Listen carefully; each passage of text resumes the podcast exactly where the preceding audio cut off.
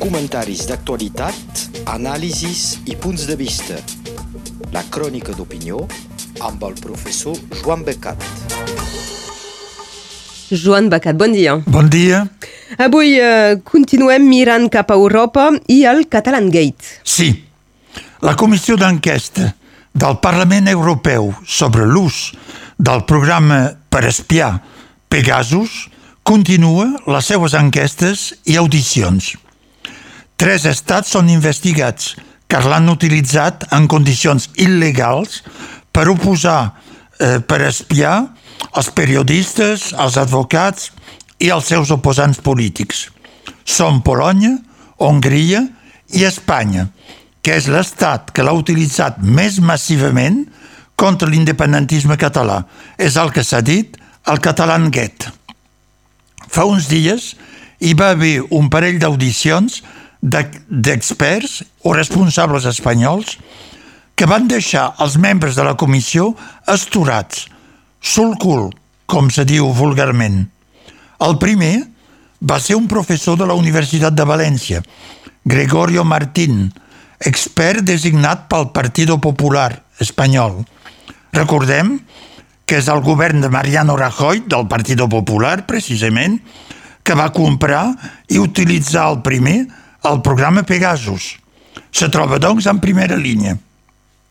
El govern actual de Pedro Sánchez és també concernit, ep, car el programa espia el continua utilitzant fins ara.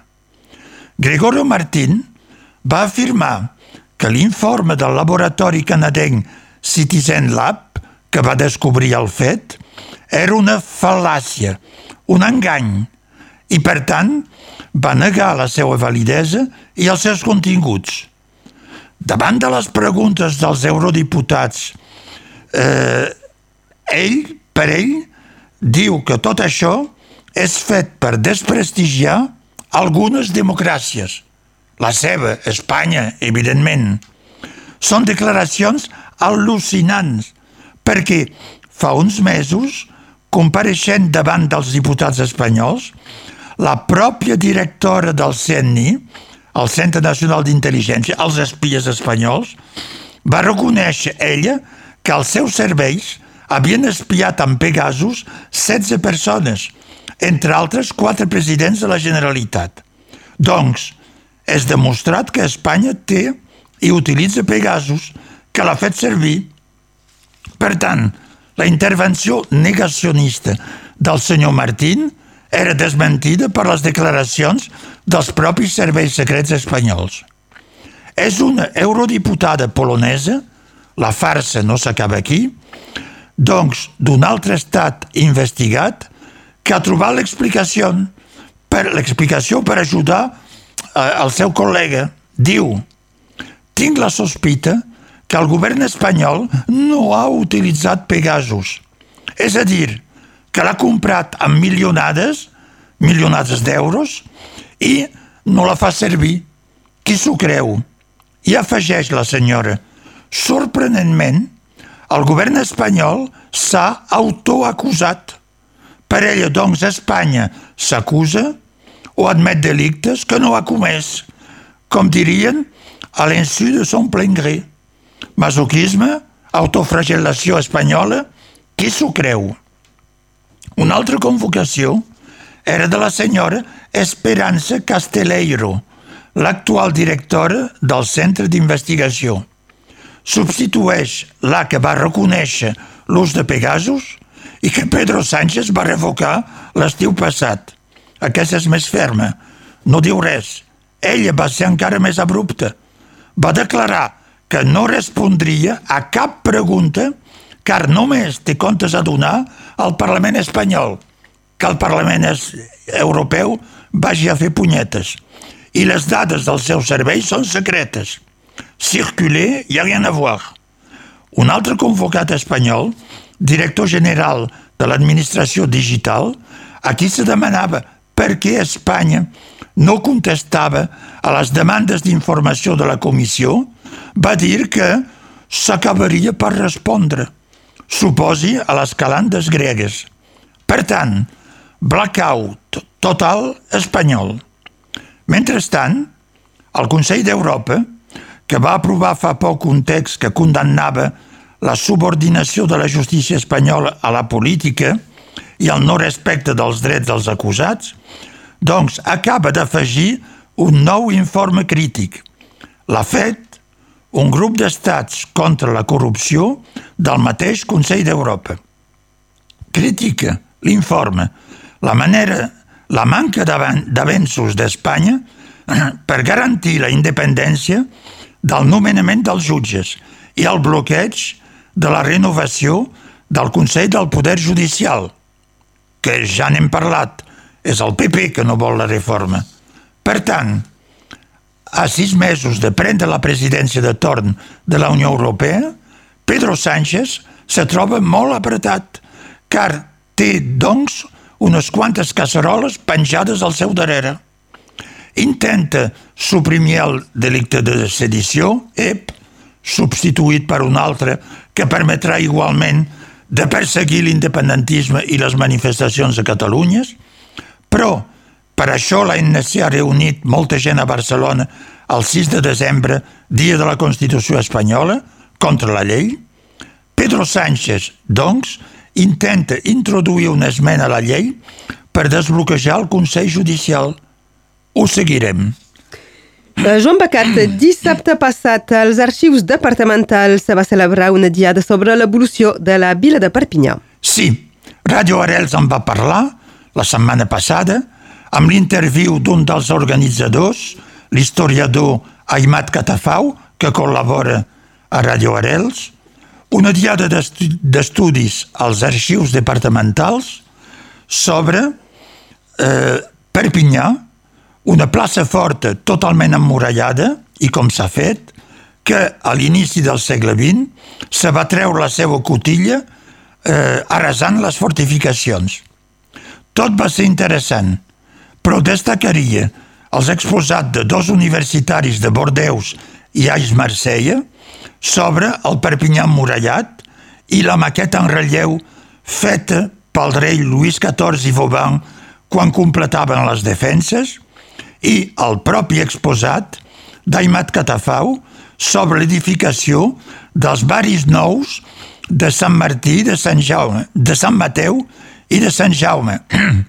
Ep, baris nous a l'edat mitjana, evidentment. Dues veritables urbanitzacions, de lotissement abans de l'hora, parcel·la per parcel·la i bloc de casa per bloc de casa.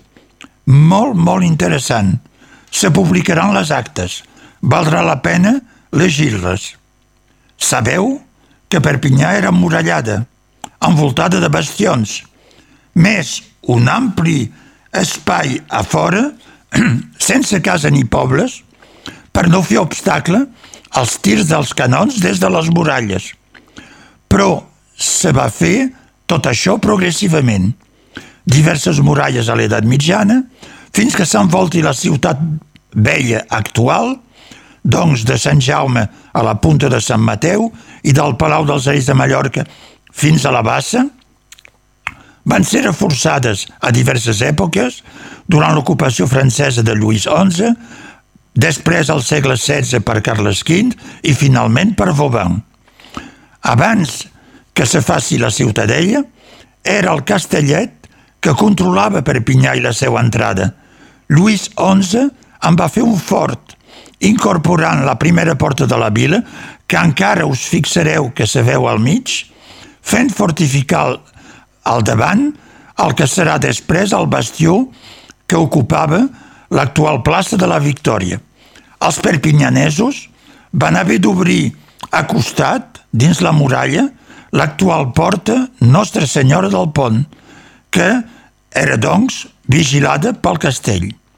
Aimat Catafau, en un exposat clar, precís, ben il·lustrat, com el que sap fer ell, va mostrar com s'havien fet les urbanitzacions de Sant Joan, de Sant Jaume i de Sant Mateu, amb tres tipus d'organitzacions, els noms dels quals recorden la vida rural de les terres que s'estaven urbanitzant. A Sant Joan i altres baris se parla de masos, que eren, de fet, grups de cases al voltant d'un pati, d'una plaça o d'un petit carrer sense sallida.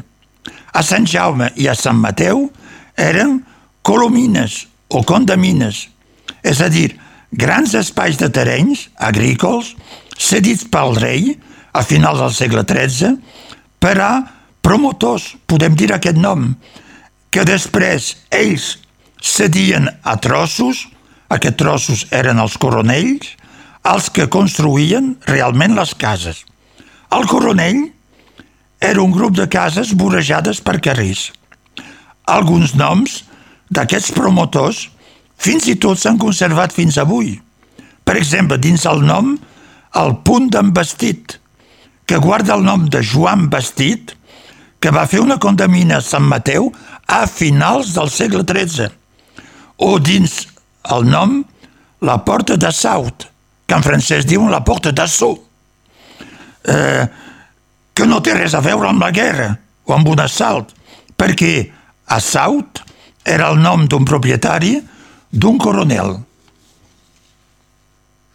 Va, continuem i canviem de tema amb un dels temes preferits, un recopilatori del Josep Borrell, són més borrallades. Sí, és increïble aquest senyor, les borricades que fa. Josep Borrell no para.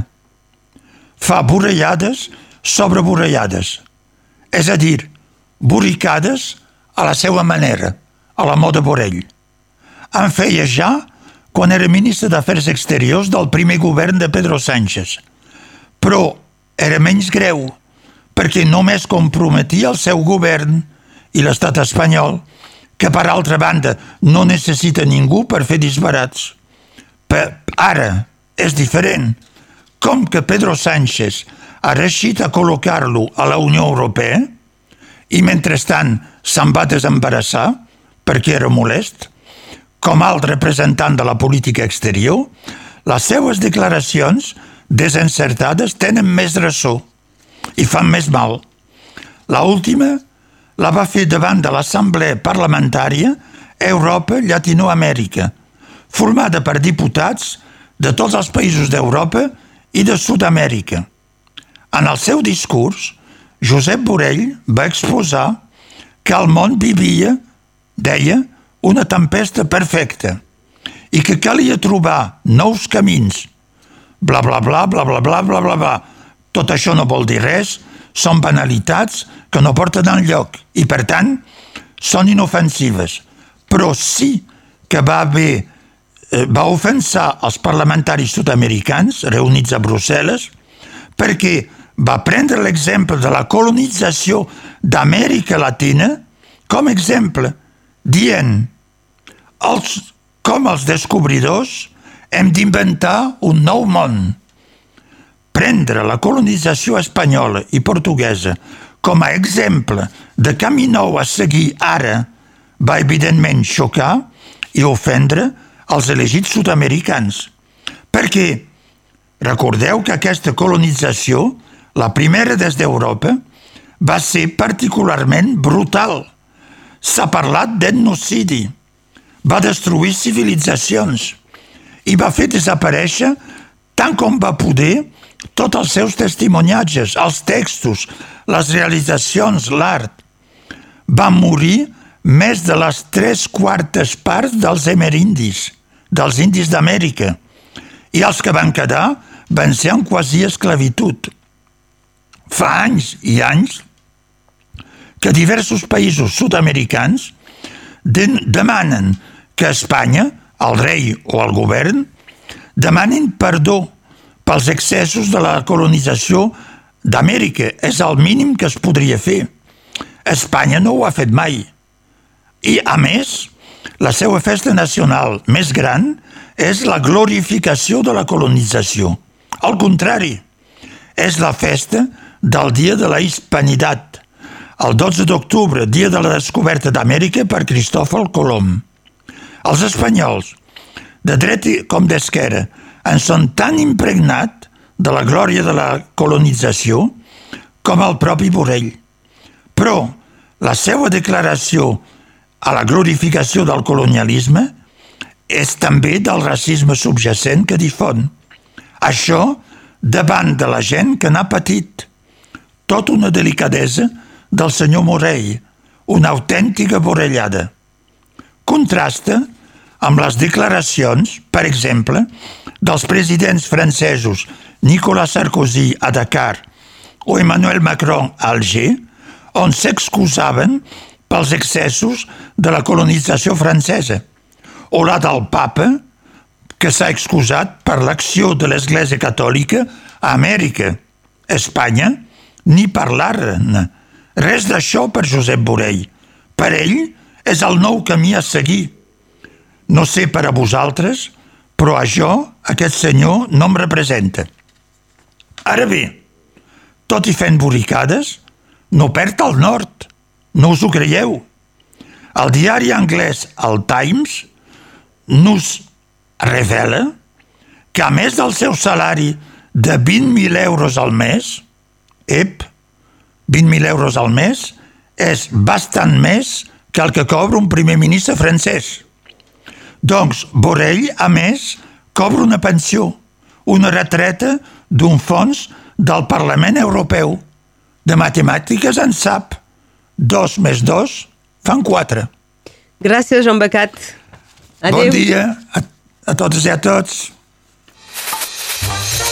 Comentaris d'actualitat, anàlisis i punts de vista.